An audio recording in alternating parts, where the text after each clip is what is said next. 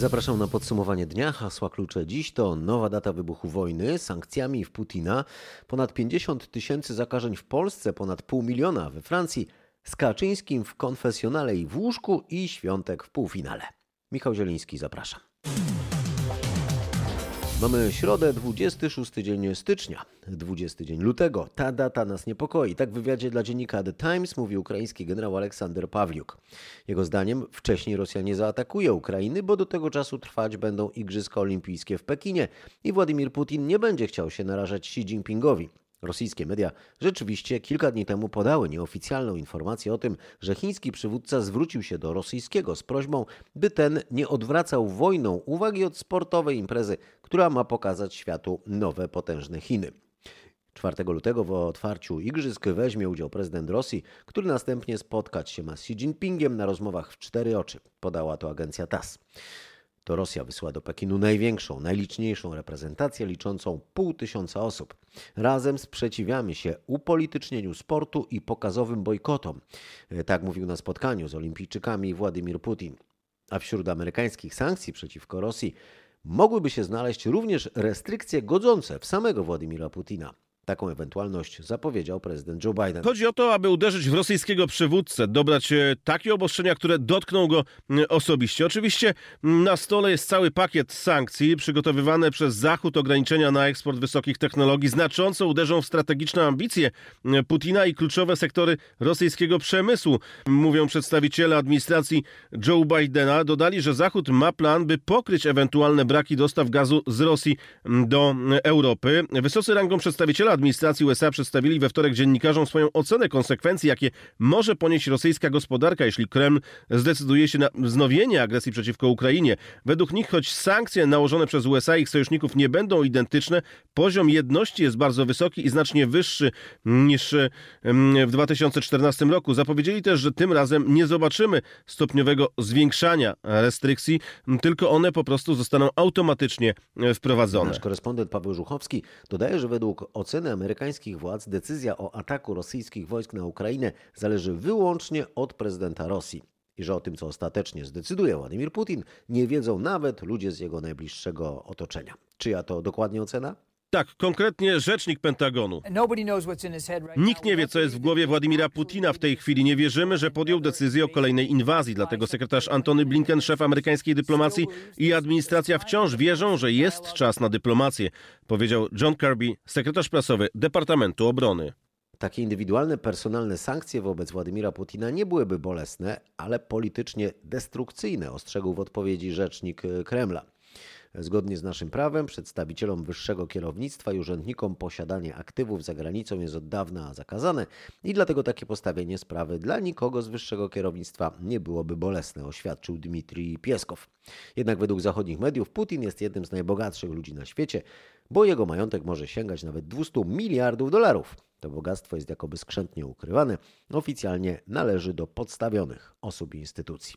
A według nieoficjalnych źródeł Unia Europejska też jest bliska opracowania sankcji przeciwko Rosji. To miałyby być bariery dla handlu, yy, transferu technologii i dostępu do rynku walutowego. Mowa jest też wciąż o odcięciu Rosji od systemu międzynarodowych transferów międzybankowych SWIFT. Jednak z informacji podawanych m.in. przez agencję Bloomberga yy, czy przez Financial Times wynika, że w, w łonie Unii Europejskiej Wciąż nie ma jednak e, w tej kwestii jednomyślności. 20 lutego wtedy nie tylko skończą się igrzyska, ale też planowane manewry rosyjsko-białoruskie na terenie Białorusi. Według władz Mińsku z Rosji przyjechało już 30 kilka pociągów z wojskowymi transportami. E, Ministerstwo Obrony Białorusi codziennie publikuje zdjęcia z powitań rosyjskich żołnierzy i sprzętu. No, mimo obrazów Białorusini witają ich chlebem i solą, występami orkiestr i muzyków w strojach ludowych. E, w graniczącym z Polską Brześciu ulokowano zmotoryzowany batalion sił powietrzno-desantowych Rosji. Taką informację podała organizacja Conflict Intelligence Team, śledząca działania rosyjskich e, sił zbrojnych. Według śledztwa przeprowadzonego wspólnie przez Radio Wolna Europa oraz właśnie te organizacje, od pierwszych tygodni stycznia Rosja zaczęła przerzucać jednostki z Dalekiego Wschodu na zachód kraju i może to dotyczyć nawet połowy stacjonujących tam oddziałów.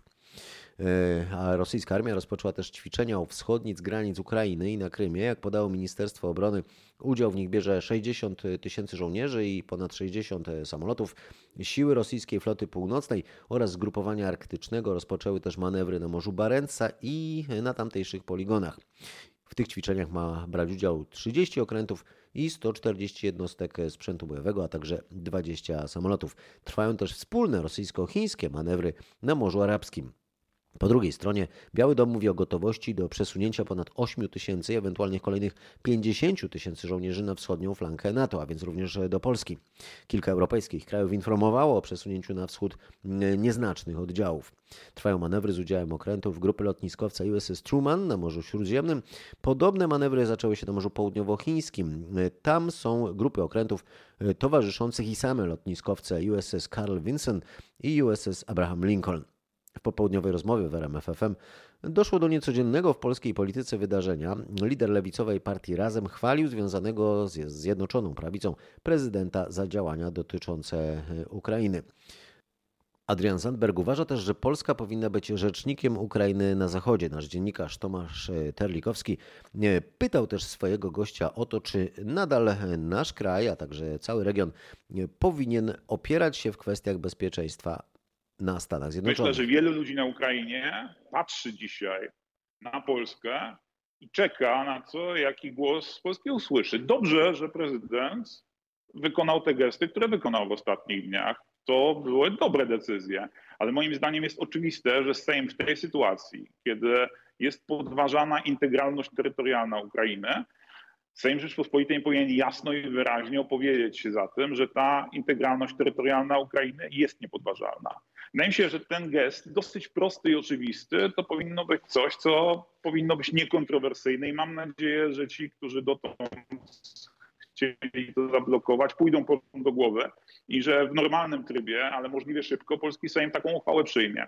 Uważam też, że jeżeli chodzi o wsparcie dla naszych sąsiadów, to to jest nasza odpowiedzialność, żeby przekonywać inne kraje europejskie e, do tego, że jest zrozumiałe, że Ukraina nie jest daleko, tylko że Ukraina jest blisko.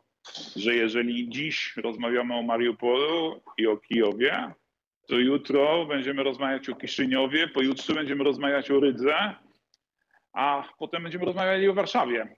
E, tej świadomości wielu ludzi w zachodniej Europie nie ma, nie czuje tego i to jest nasza odpowiedzialność. Ale chciałem się zapytać o perspektywę lewicy.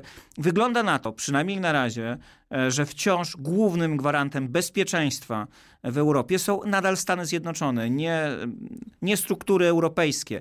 Więc może jednak trzeba mocniej grać na Stany Zjednoczone i chciałem się zapytać o perspektywę lewicy, a nie o to, żeby pan skrytykował PiS, który z Joe Bidenem się nie dogaduje.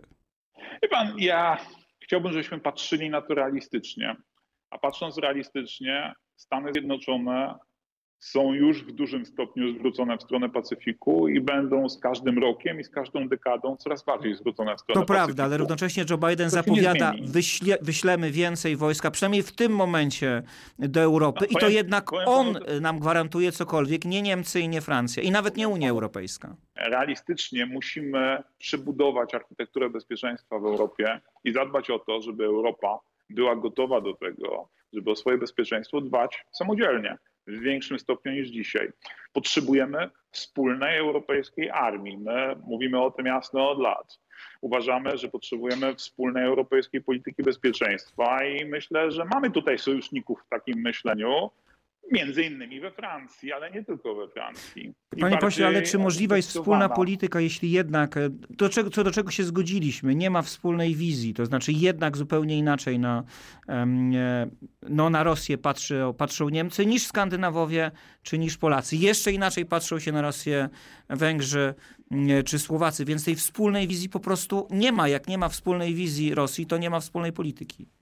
Uważam, że jeśli będzie wspólna polityka i będzie ona wypadkową tych polityk, z którymi mamy do czynienia na dzisiaj, to będzie to zdecydowanie korzystniejsze dla Polski niż zdawanie się na koncert mocarstw, w którym to koncercie nikt nam żadnych skrzypiec do tego, żeśmy w nim zagrali nie da. Jeżeli ktoś się łudzi, że w świecie, w którym wrócimy do koncertu mocarstw, tak, w którym konkurują ze sobą najsilniejsze państwa narodowe Polska będzie grała pierwszą rolę, no to po prostu błądzi. To podsumowanie dnia środy 26 stycznia. Teraz temat z krajowego podwórka. Kolejna postać skarży się, że była podsłuchiwana i podglądana z pomocą izraelskiego programowania Pegasus. Tym razem na takie informacje od specjalistów z kanadyjskiego Citizen Lab skarży się lider Rolniczego Związku Agrounia. Nie podsłuchiwały mnie służby czy rząd, tylko partia. Prawo i Sprawiedliwość, przekonuje Michał Kołodziejczak. Ja chcę wiedzieć, po co to było robione. Nigdy nie miałem jakichkolwiek zarzutów. Nie było żadnych podejrzeń nie byłem nigdzie wzywany, nie było prowadzone żadne śledztwo. To jest walka z ruchem społecznym Agrounia. To jest walka z Agrounią w momencie, kiedy rozmawiała o tworzeniu partii politycznej. To podsłuchiwał Jarosław Kaczyński. To on był ze mną w kościele, on był ze mną w konfesjonale, on był ze mną w łóżku, on był ze mną przy rozmowie w banku. Ja dokładnie sobie sprawdziłem, co wtedy robiłem. Kołodziejczak miał być inwigilowany w 2019 roku. Według niego to przejaw walki PiSu z przeciwnikami politycznymi, którzy mogliby odebrać partii Jarosława Kaczyńskiego głosy mieszkańców wsi. Ponadto według informatyków z Kanady e, ten program Pegasus używany był również do uzyskania dostępu do telefonu Tomasza Szwejgierta. To współautor książki o szefie resortu spraw wewnętrznych i administracji, byłym szefie CBA Mariuszu Kamińskim. Prokuratura Okręgowa w Częstochowie wszczęła śledztwo w sprawie śmierci 37-letniej kobiety, która ponad miesiąc temu w bliźniaczej ciąży trafiła do szpitala. Straciła dzieci, a później stan się pogorszył i wczoraj zmarła. W mediach społecznościowych rodzina opublikowała oświadczenie, w którym mm, za śmierć kobiety obarcza medyków. E, nasza dziennikarka Anna Kropaczek dowiadywała się o to, co konkretnie zarzucają lekarzom bliscy pacjentki. Według bliskich, kiedy pani Agnieszka trafiła do szpitala wojewódzkiego w Częstochowie, skarżyła się na bóle brzucha i wymioty. Dwa dni później obumarł jeden z płodów, ale nie rozwiązano ciąży.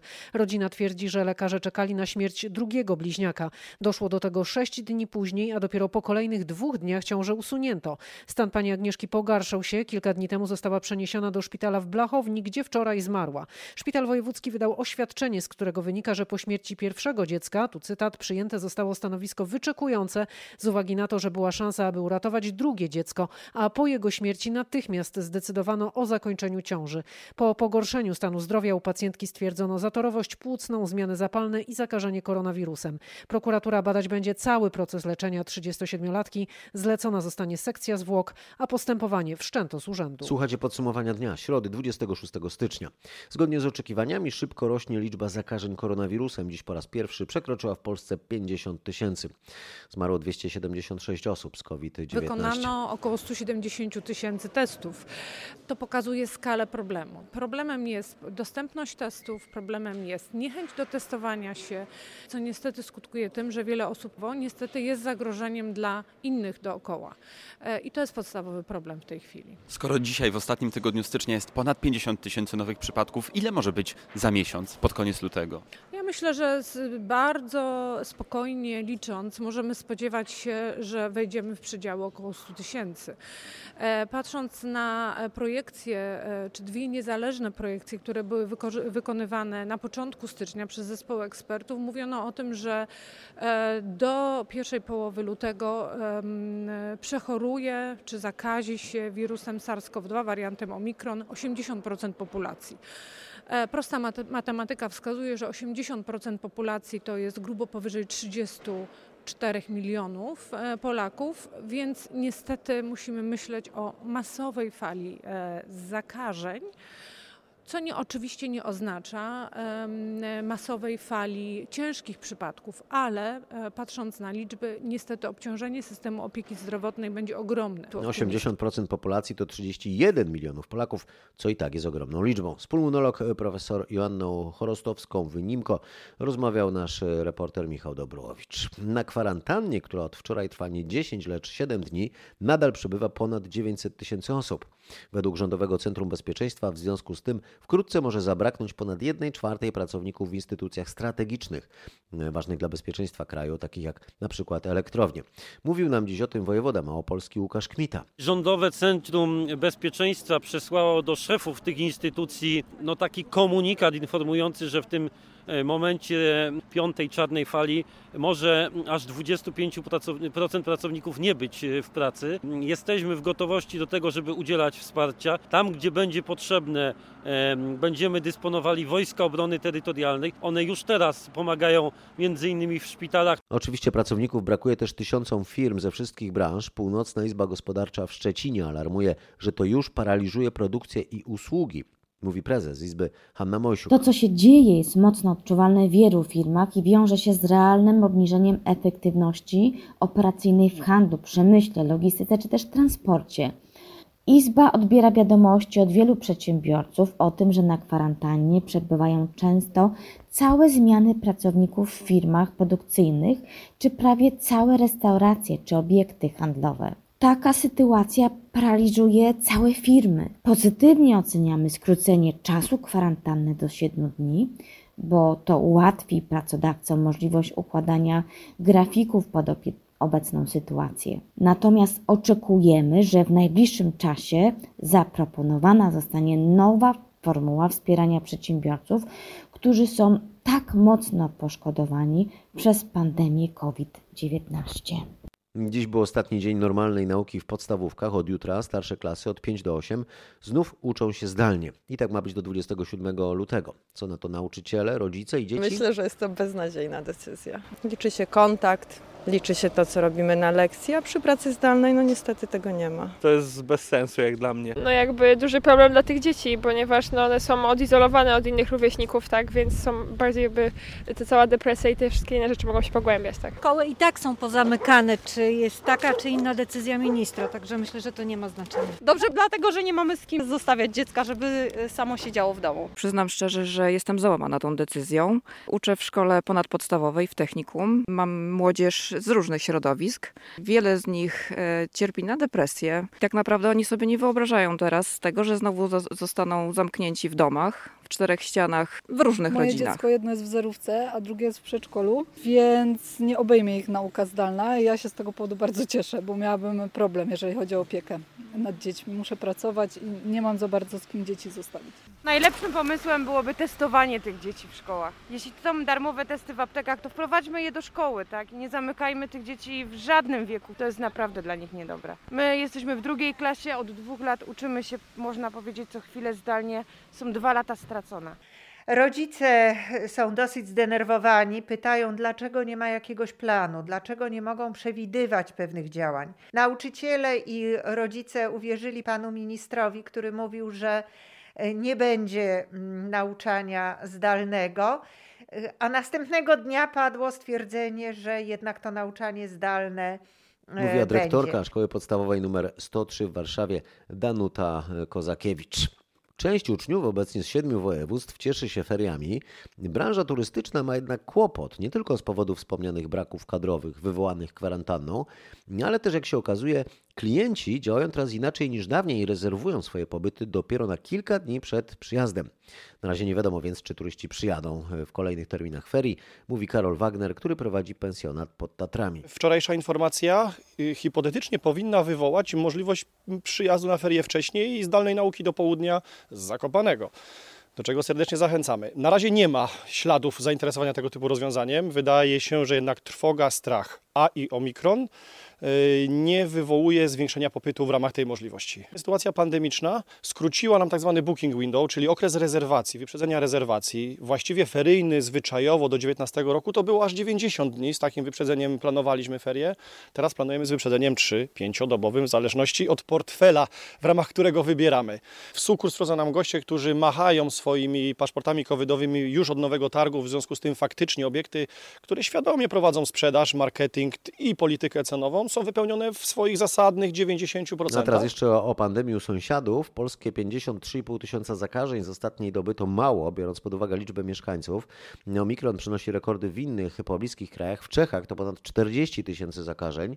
Na Węgrzech też rekord, ponad 20 tysięcy pozytywnych testów w ciągu doby. Po drugiej stronie Bałtyku w Szwecji to 45 tysięcy i również rekord. W Austrii pierwszy raz powyżej 30 tysięcy nowych infekcji. Ale we wszystkich tych krajach liczba pacjentów w szpitalach nie rośnie. E, Władze e, austriackie zapowiadają więc zniesienie od poniedziałku lockdownu dla niezaszczepionych. Jak wyjaśniają, utrzymywanie tego przepisu nie jest już potrzebne, bo nie ma ryzyka przeciążenia zdolności intensywnej opieki w szpitalach. Tydzień temu austriacki parlament przegłosował ustawę o powszechnym obowiązku szczepienia przeciwko COVID-19. Te przepisy mają obejmować mieszkańców, e, którzy skończyli 18 rok życia e, i kary za niezaszczepienie mają sięgać 3600 euro. Niemcy też mają rekord, ponad 160 tysięcy zakażeń. Bundestag dziś debatował nad wprowadzeniem, podobnie jak w Austrii, obowiązkowego szczepienia. Niemiecka koalicja na razie sonduje, jakie rozwiązanie miałoby szansę na poparcie, bo zdania nawet wśród członków rządu są podzielone. Nasza reporterka Aneta Łuczkowska powie, jakie opcje są do wyboru. Na razie mowa jest o trzech. Pierwsza zakłada, że szczepienia miałyby być obowiązkowe dla wszystkich pełnoletnich Niemców. Obowiązek miałby być jednak okresowy, wprowadzony na przykład na dwa lata. Ten wariant ma poparcie wśród polityków ze wszystkich partii rządzącej koalicji. Członkowie FDP, jednego z koalicjantów, mają alternatywną propozycję. Chcą, by szczepienia były obowiązkowe dla osób po 50 roku życia. Argumentują to tym, że u starszych osób przebieg COVID-19 jest poważniejszy i często zagraża życiu pacjentów. Trzeci wariant, za którym optuje Wolfgang Kubicki, wiceprzewodniczący Bundestagu z ramienia liberalnej FDP i według szacunków około 30 innych parlamentarzystów zakłada, że obowiązku szczepień nie będzie. Temu pomysłowi przyklaśnie zapewne też sceptyczna wobec wielu spraw, w tym podejścia do epidemii AfD. Sam kanclerz Olaf Scholz początkowo był przeciwny obowiązkowemu szczepieniu, ale wobec fali zakażeń spowodowanej mutacją Omikron jest już e, zwolennikiem tego rozwiązania i zapowiada podjęcie decyzji przed upływem tego kwartału. Wskaźnik szczepień w Niemczech nie wygląda źle. Według oficjalnych danych dwukrotnie zaszczepionych jest aż 73% Niemców, a połowa przyjęła już dawkę przypominającą.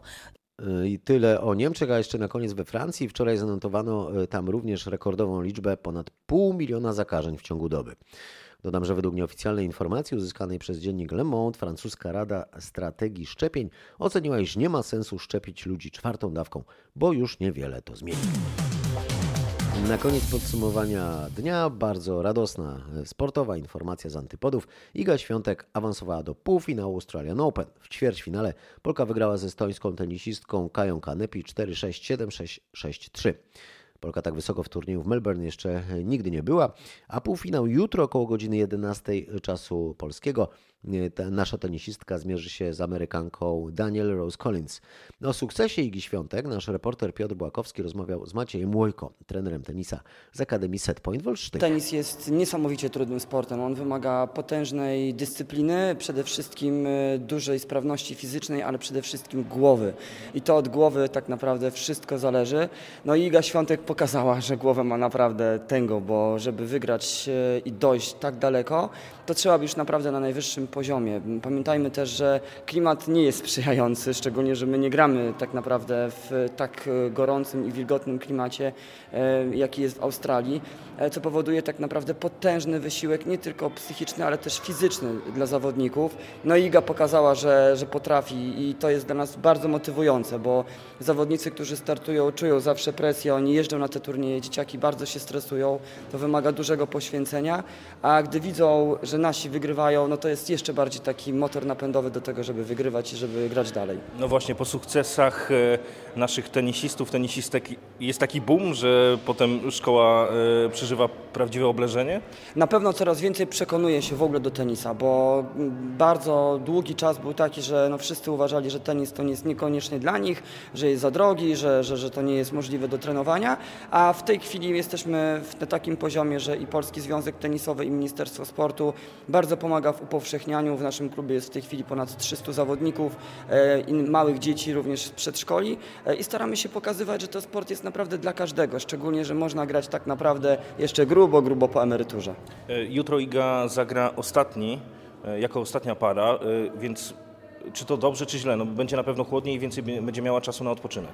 Tak naprawdę najważniejsza jest regeneracja i to, co będzie miała w głowie, bo już myślę, że na tą chwilę osiągnęła potężny sukces, bo żeby dojść tak daleko, to naprawdę trzeba być najlepszym, a to, czy wygra, to wszystko zależy od niej, ale my i tak się cieszymy razem tutaj z naszym klubem, bo jest to potężny, naprawdę potężny wysiłek i potężny sukces całego polskiego tenisa. I to już wszystko w dzisiejszym podsumowaniu dnia. 24 godziny w 24 minuty. Michał Zieliński, dziękuję za uwagę i do usłyszenia do jutra.